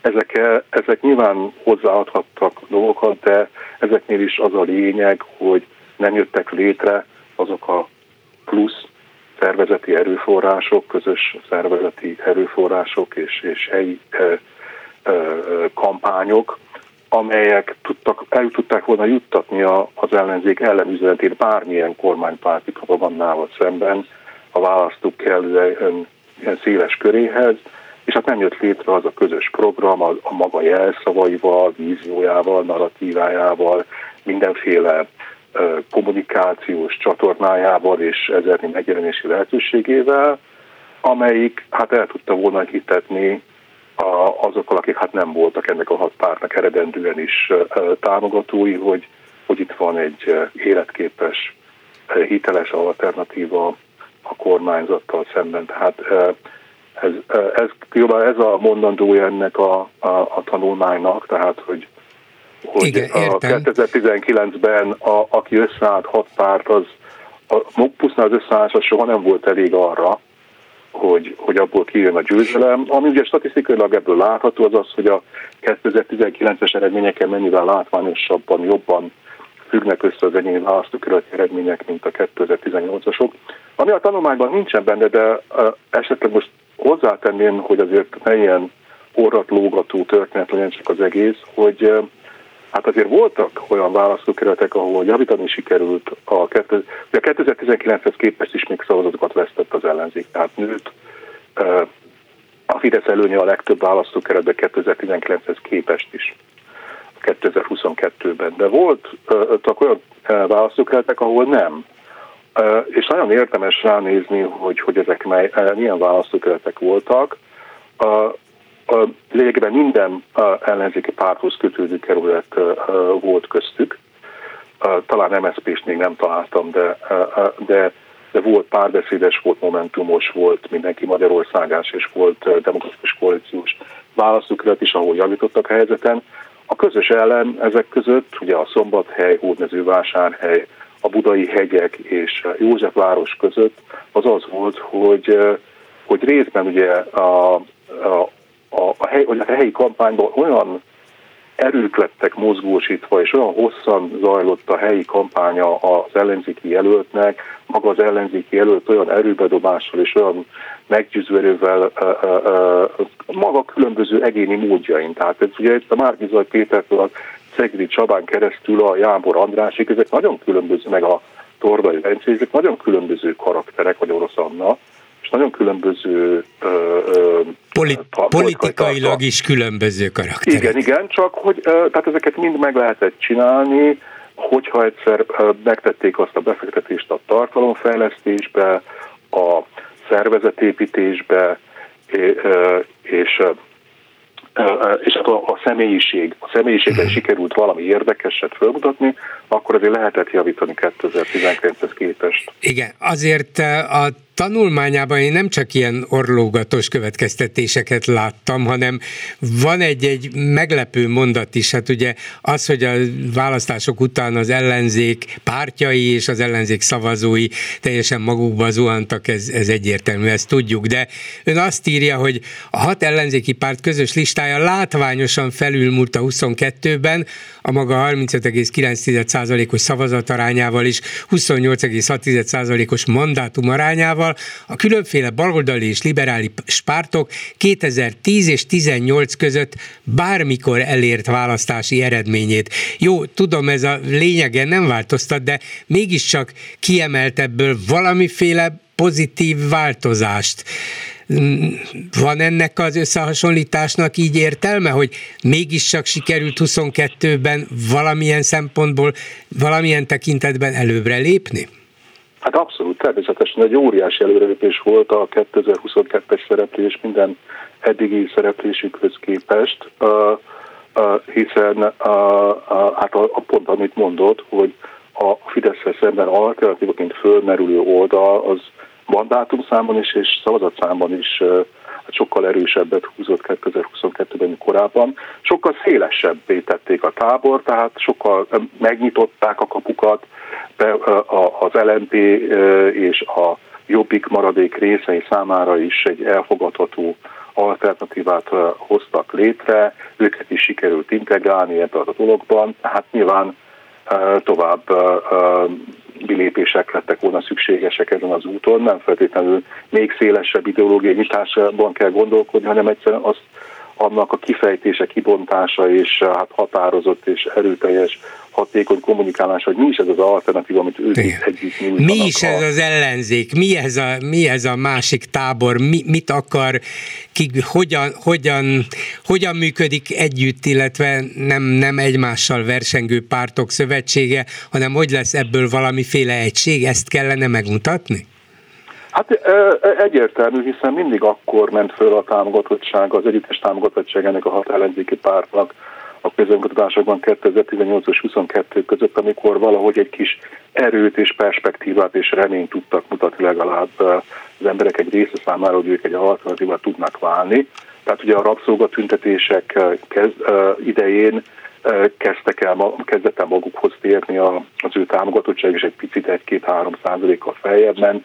Aztán ugye a 2019-es önkormányzati siker után ami hát ugye konfirmálta, hogy ebben van valami, ebben az együttműködési alternatívában, akkor fölment a támogatottságok pár százalék, és aztán jelentősen megugrott a támogatottság, amikor bejelentették a közös indulást. Tehát 2020. augusztusa volt ez, amikor bejelentették, hogy akkor 2022-ben közösen indulnak, az önmagában jelentősen megdobta az ő támogatottságokat. Nem eléggé ahhoz, hogy hogy odaérjek a Fidesz mögé, hiszen hát láttuk, a, utána jött a 2020. októberében a, a Borsodi Szerencsi Tiszaújvárosi ugye időközi választás, ahol hát látszott, hogy igen, tehát relatíve igen jó eredményt ért el egy nem nagyon acélos ellenzéki jelölt, aki nagyon, nagyon sok, sok oldalról nagyon támadható ellenzéki jelölt. Igen, de nagyon sok munkát tett bele, tehát igen. volt pozitív oldal a jelöltnek, tehát meg, meg volt az a talpas munka, amit ott észszerűen be lehetett tenni a kampányba, az összefogás is megvolt, tehát tényleg az összes pártvezérek is oda mentek kampányolni mellette, tehát nem volt az egy nagyon, tehát szerintem egy meglepően jó eredmény volt ahhoz képest, hogy milyen támadások érték azt a jelöltet, tehát a Tiszaújvára orvosban, a baloldali fellegvárban is. Igen, igen, nagy, igen. nagyon jó eredményt ért el, de azért látszott, hogy ez nem elég ahhoz, hogy a Fidesz országosan meg lehessen verni, ehhez még több kell. Ennél még több kell, és hát ezt a többet, ugye akkor én írtam erről egy, egy, egy, egy cikksorozatot, tehát most itt nem utólag vagyok okos, hanem semmi ott nem mondok, amit ne írtam volna 2020-21-ben, meg az idén évelején is egy, egy másfél év mozdulatlanság című posztban az egészet újra megint kitettem, tehát hogy akkor is azt írtam a 2021-ben, hogy ez egyáltalán nem biztos, hogy ez a másfél év az elég ezeknek a feladatoknak az elvégzéséhez. Tehát ez egy nagyon, azok azért nagyon a tartalomfejlesztésben, új arcokban, szervezetépítésben itt nagyon nagy elvégzendő feladatok voltak még, amelyekhez hát, hát heroikus és zseniális politikusok kellettek volna ahhoz, hogy ezt másfél év alatt nagy sikerrel véghez lehessen vinni. Itt a, azért a meglepetés ugye a, van kihegyezve ez a társadalmi tanulmány, mert hogy sajnos itt egy nagyon való ütött ki a dolog abban az értelemben, hogy a téves várakozások keltése folytán... Meg a téves közvéleménykutatások alapján. Meg a téves közvéleménykutatások, amelyek részben, részben a téves közvéleménykutatások is azért Szóval nem tudományos tévedések álltak mögötte, hanem, hanem, hanem a, a várakozások, ugye? Politik, hát politikai kommunikációs Igen. szándékok. Uh-huh. Tehát, a, tehát a kormánypárti közönkutató intézeteknél megragadható volt 2022. januárjában erről írtam is, amikor hát teljesen nyilvánvalóan 5%-ot lefaragtak a Fidesz vezetéséből egyik hónapról a másikra a saját adataikban azért, hogy mert nekik is az volt a jó, hogyha az a, az a benyomás alakult ki, hogy nem lefutotta meg. Harcra tüzelik a szavazóikat. Igen, ugye? igen, tehát, tehát, tehát volt egy ilyen szent szövetség a kormánypárti közönkutók között, akik vagy nem publikáltak, vagy túl lihegték az ellenzék szavazatarányát a publikációikban, meg hát a, a, egy, a, a, nem, tehát nem akit ugye ellenzékinek szoktak nevezni közönkutatónak a, a, a, a felületes közbeszédben, azért azok között nem mindenki dolgozott az ellenzéki pártoknak, és nem mindenki állt be adathamisítónak, de hát azért volt, aki ezt megtette, és szerintem tudatosan is téves adatokat tett közé, vagy legalábbis nem tett meg mindent annak érdekében, hogy kritikus kérdéseket tegyen fel azzal kapcsolatban, hogy tényleg csak 4-5 százalék lenne a Fidesz előnye, miközben azért ők nagyon jól tudták, hogy van egy csomó más közönvetás részben publikus, részben nem publikus, részben a medián adatai, részben ugye a Civitas intézetnek a logója alatt ugye egy magát megnevezni nem akaró, de ellenzéki körökben ismert közönkutató intézetnek szintén ugye sokkal negatívabb adatai voltak, Amik politikai értelemben ki is váltottak meg, megrőkönyödést, meg elítélést, igen, vagy igen, ugye igen, annak igen, idején. és hát azért ugye az, a, tehát a, az ellenzéki pártoknak a megrendeléseit bezsebelő közö, a, a, túlnyomó részét bezsebelő közökutatók azért nem tettek meg mindent azért, hogy kritikusan tekintsenek azokra az adatokra, amelyek uh-huh. akár egált vagy 4-5 százalékos Fidesz előtt jeleztek, hanem inkább boldogan publikálták, nyomták ezt a vonalat, hogy hát van itt esély, és hogy jövünk föl, és nem tudom, és ami valahol érthető nyilván, de az egész ugye egy olyan hát légkör teremtett, ami után a részben amiatt is ugye, hogy eleve nem nagyon volt meg az elszántság a hat pártban, vagy legalábbis a hat párt mindegyikében arra, hogy egy integráltabb ellenzéket hoznak létre, és hogy megtörténjen mindaz az új tartalom, új arcok, új szervezeti formák kiépítése, amelyek kell tovább lehetne lépni. Na, erről szinten. mondjon még valamit, legyen szíves. Ez a tartalomfejlesztést többször is használta, és hát ez elég rideg szakmai kifejezés ahhoz, hogy politikailag bárkit lázba hozzon.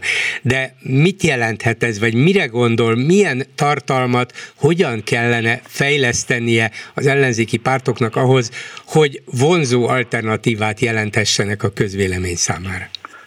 Az ellenzéknek a jelenlegi legerősebb pártja minden valószínűség szerint a demokratikus koalíció, az ő víziójuk, ezt mindenki érti és látja az országban, az, hogy térjünk vissza 2010 előtti Magyarországba.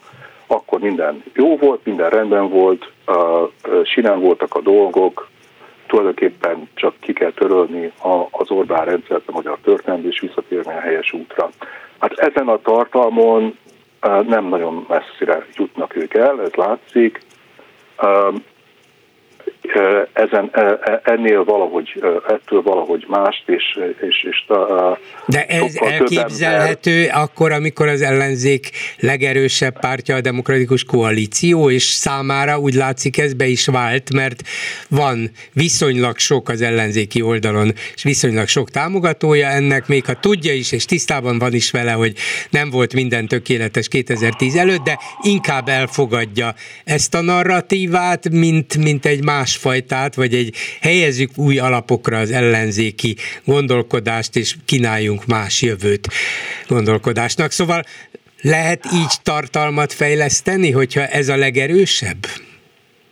Hát persze, hogy lehet, hát a többieknek nyilván nem az az érdekük, hogy a többieknek kell eldönteni azt, hogy most a többieknek az a választási lehetőség van most, ugye a legkövetkező alkalom, amivel kapcsolatban nagyon nyomasztó ugye választási lehetőségeik vannak, az a 2024-es Európa parlamenti és önkormányzati választás, ahol ugye el kell dönteniük ezzel kapcsolatban, hogy ők hát beáll, ahogy a, a, a demokratikus koalíció álljanak be mögéjük, csatlakozzanak, menjünk ezt szerint a vízió szerint, hogy visszatérünk a 2015-i világba, vagy pedig azt gondolják, hogy ebben nem állnak bele, hanem vagy mennek a, a, ugye a harakiribe, tehát hogy így ilyen kis önállóan induló kis szétszórt erőként hát annyira annyira hiteltelen lesz, hogy bármit is tudnak produkálni, hogy azok se fognak olyan rájuk szavazni, akik ez esetleg ők állnak a legközelebb.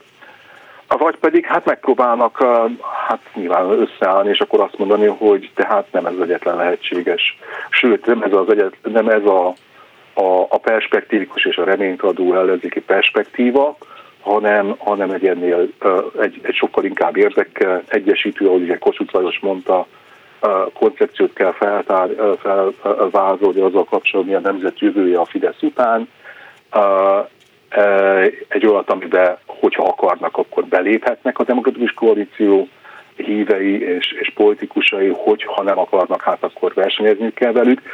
Ugye rosszabb nekik, ugye igazából ugye az számukra a választási lehetőség, hogy vagy eltűnnek a politikából, ugye, hogyha ezt a törpéskedést folytatják, vagy beállnak a, a gyurcsánypányba, és akkor hát egy ilyen örök és elég nevetséges ellenzéki szerepet játszanak egy egyre autokratikusabb rendszerben, és egyre kínosabb lesz ott ugye ezt az ellenzéki szerepet játszani, egy ilyen hát egyre kisebb ellenzék, ami már hova tovább a szélső jobb oldali ellenzékes, meg a kutyapárti ellenzékes, ami nem tudja majd fölvenni a versenyt. Tehát ez a második, és a harmadik lehetőség az az, hogy hát megpróbálnak akkor legalább önálló ellenzéki erőként túlélni egyelőre, és bizakodni abban, hogy, hogy idővel nagyobbá válnak, mint a demokratikus koalíció, és a demokratikus koalíció kénytelen ő, inkább ő beállni ő mögéjük.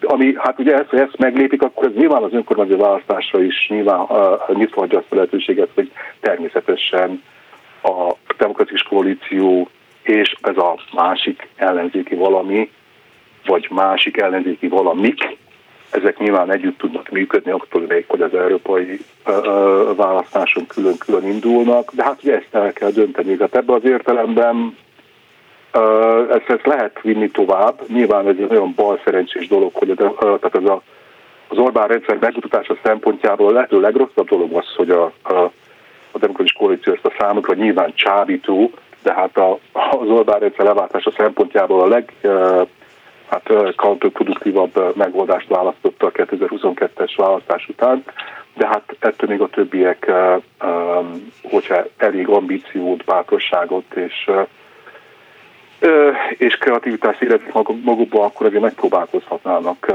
mással is, mint ezek a hát semmit mondó kis, nem is tudom, csodák, amikkel foglalkoznak. Köszönöm szépen Tóka Gábor egyetemi tanárnak, minden jót, viszont hallásra! Viszont hallásra, köszönöm. Háló, jó estét kívánok! Háló! Parancsoljon, tessék parancsolni, háló! Ja, jó, jó estét kívánok, Bolgár úr, és üdvözlöm a rádió hallgatóit. Nem tudom, délelőtt hallgatta a parának a, a személybe 9-től 10-ig a para, műsorát. Parászka borókát, igen? Igen. Na hát én hónapok óta gondolkodtam rajta a választás után, sőt már választás előtt, hogy ugyanezt elmondom, mint, a, mint amit Boróka elmondott a külorni magyarokkal kapcsolatban.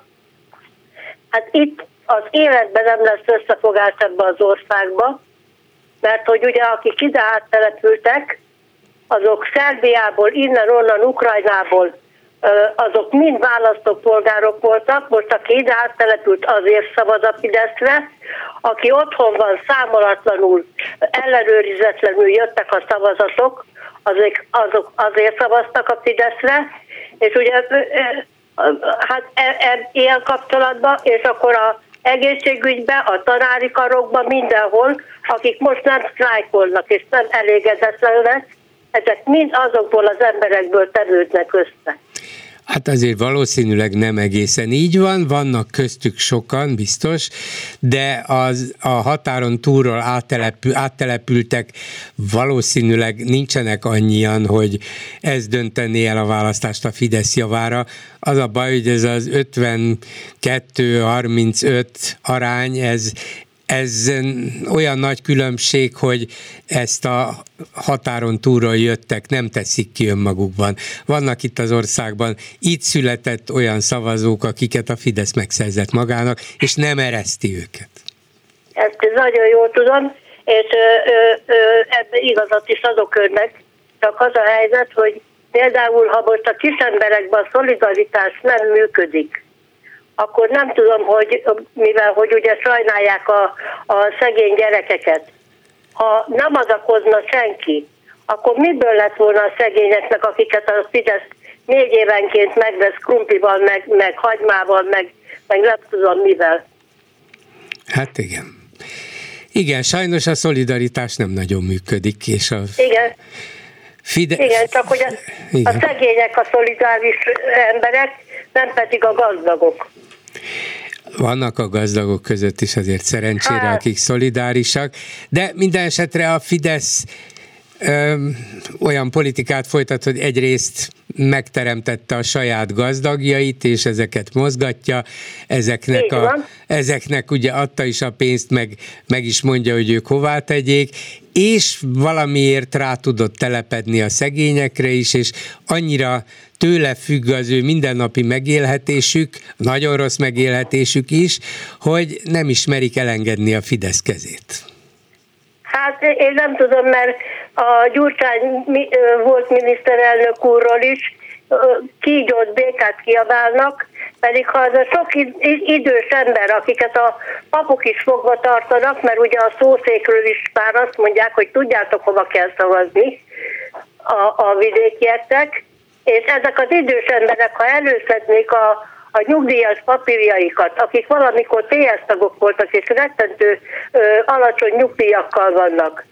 A Gyurcsány Ferenc volt az, aki a kompenzációt el, elkezdte, úgyhogy ha valahol, ha valamikor kaptunk 4%-os emelést, akkor 10%-kal többet kaptak a kompenzálók. Igen. Biztos, hogy van, aki erre emlékszik, és önnek igaza is van, hogy ez egy igazságos reparálása, vagy javítása, kiigazítása volt a helyzetnek, de most meg az emberek többsége úgy van vele, hogy hát igen, borzasztó ez az infláció, de hát Orbán Viktor 15%-kal emeli a nyugdíjunkat. Hát ez a nyugdíj már ennyi és ennyi, tehát ha összehasonlítják azzal, hogy mi volt mondjuk 14 évvel ezelőtt, akkor azt mondják, hogy hát látjátok, most ennyi ennyi a nyugdíjam, és 14 évvel ezelőtt meg csak annyi volt. Szóval nehéz ezt elmagyarázni, hogy kompenzáció, meg gyurcsány, meg hogy igazság, ezt néhányan tudják, a többség pedig elfelejtette, vagy nem is kíváncsi rá. Hát ezzel kéne foglalkozni az ellenzéknek, és én szerintem, én nem tudom, hogy, hogy azért hát a, a, a DK-ba, ha, ha jól belenéz az ember a, a, a nép, szóval a létszámukba, hát magasan izé, megtisztelt emberek, meg, meg magasan képzett emberek tartoznak közéjük. Persze, hát kiváló emberek vannak a DK-ban, ez nem kétséges, és, és csatlakoznak hozzájuk még fiatalabbak is más pártokból az elmúlt hetekben, hónapokban, párbeszédtől, Momentumtól, tehát érdekes, ahogy gyűjti a, a DK ezeket a fiatal politikusokat is, de hát az előttem, illetve a velem beszélgető professzor meg azt mondja, hogy, hogy a Gyurcsány párt üzenete az, hogy 2010 előtt a dolgok rendben voltak, és ezzel nem tud magának igazi többséget szerezni, ezért kellene valamilyen új üzenetet vagy új tartalmat kitalálni. Hát biztos, hogy nem volt, nem volt minden rendben, de sokkal uh, élhetőbb volt az országba élni, mint most, ez az egyik. A Márki Zaj meg mikor gyűjtötték ugye az aláírást az előválasztáson. Emlékszik bolgár úr, hogy az utolsó napokban mennyi fiatal ment igen, aláírni igen, igen, igen, igen, és sokan feltételezik, hogy biztosabb Fidesz küldte őket. Ez tudti, hogy így van. Ebben olyan biztos vagyok, mert tudja, hogy mennyire féltek a, a Dobrev Klárától. Tudta az Orbán, hogy annyira rezeg a vész neki, hogyha a Dobrev Klára győz, és ha őt szavazzák meg miniszterelnöknek, akkor ő neki lőttek. És a, az Orbán most, hát már döbrögi, ugye, már főispánt is ki, mint a Ludas Matyiba, kiabál majd az ispán után, hogyha ha, ha valami kínja lesz, hogy ő se az áfát nem vitte le, ugye? Most az emberekről a bőrt is lehúzza, most a gyógyszerészek jöttek sorra, a gyógyszergyártók. Igen, igen. És addig, amíg ő tudja etetni ezeket az embereket pénzzel, tedi föl a külföldi hiteleket, addig az Orbán hatalmon marad. Ahogy elfogy a pénze, és sehonnan nem fog tudni összekaparni pénzt, hogy egyiket másikat fizesse, hát abban a pillanatban hátat fognak neki fordítani. Köszönöm szépen, asszonyom, hogy telefonált. Minden jót kívánok, viszont hallásra. Én is viszont hallásra, köszönöm. Mit írnak a Facebook kommentelőink? Itt van Lőrinc Saba. Szia Gyuri, köszöntöm a hallgatókat. Mikor lesz vége az Orbáni rombolásnak, kérdezi egy kommentelő, és meg is válaszolja a kérdést, amikor térdre kényszerítik az orosz medvét. Erről valamiért nekem Gorbacsov jut eszembe, és a rendszerváltás kapcsolata. A következő hozzászólás is érkezett a Rákai féle filmrettenet kapcsán. A török sorozaton edződött millióinak ez a film megfelel. Hát még a török sorozatokat is magasabb filmes színvonalon csinálták, vagy csinálják meg, mint, mint ezt. Hát ez, ez egészen leírhatatlan. Hihetetlen, tényleg. De nyilván nem is törődnek ezzel, hogy mennyi pénzt kaptak rá, és hogy ezt hogy használták fel, hát ez egy dolog. Nyilván volna itt nézegetni való, de... Hát például de a csak, költségvetés de és csak a egy-két szlogen, egy-két elhangzó aranybulla, meg magyar, és akkor ez elég, mert úgy látszik, hogy ez, ez a nézők egy része számára pont elfogadható. Nem a művészi értéket nézik, hanem csak hogy erről van szó, meg ezt látjuk, és milyen deli vitéz ez a király, és így tovább. Hát mondjuk az, az, azt el tudom képzelni, hogy egy állásban fölvették háromszor a kettest, hogy 1222 meglegyen, de kegyelem kérdéssel is foglalkoztak a kommentelők. Egy, egy kommentelő a, az Agrobank esetét hozta fel, ennek utána kellett néznem, mert amikor ez történt, akkor én még nagyon gyerek voltam. És nekem az a kérdésem támad, most nem olvasnám fel a kommentet magát, hogy mennyire egyeztethető össze egy bűnszövetségben üzletszerűen elkövetett vesztegetés büntette miatt elítélt ember kegyelemi kérvénye, Budaházi terrorcselekményhez köthető, vagy terrorcselekménye ítélték őt el? Hát terrorcselekmények, és 17 évre idén márciusban. Na most, hogy a másik hét vádlottat pontosan mi, mivel vádolják, vádol, vádolták, és hogy miért nem tudtak egyébként tizenvalahány éve egy érvényes, jogerős ítéletig eljutni, hát ez egy másik kérdés, tehát a magyar igazságszolgáltatást érheti kritika ebből a szempontból, de hogy miért éppen ők kaptak elnöki kegyelmet, hát ez, ez érdekes. Nagyjából ennyi lett volna most a legérdekesebb kommentek. Akkor jókor fejezted be, mert elértünk a műsoridő végére. Köszönöm szépen. A Megbeszéljük mai műsorában közreműködött Petes Vivien, Lőrinc Csaba, Erdei Tünde, Balogh Kármen és Gál Bence, Bolgár Györgyöt hallották. Viszont hallásra holnap.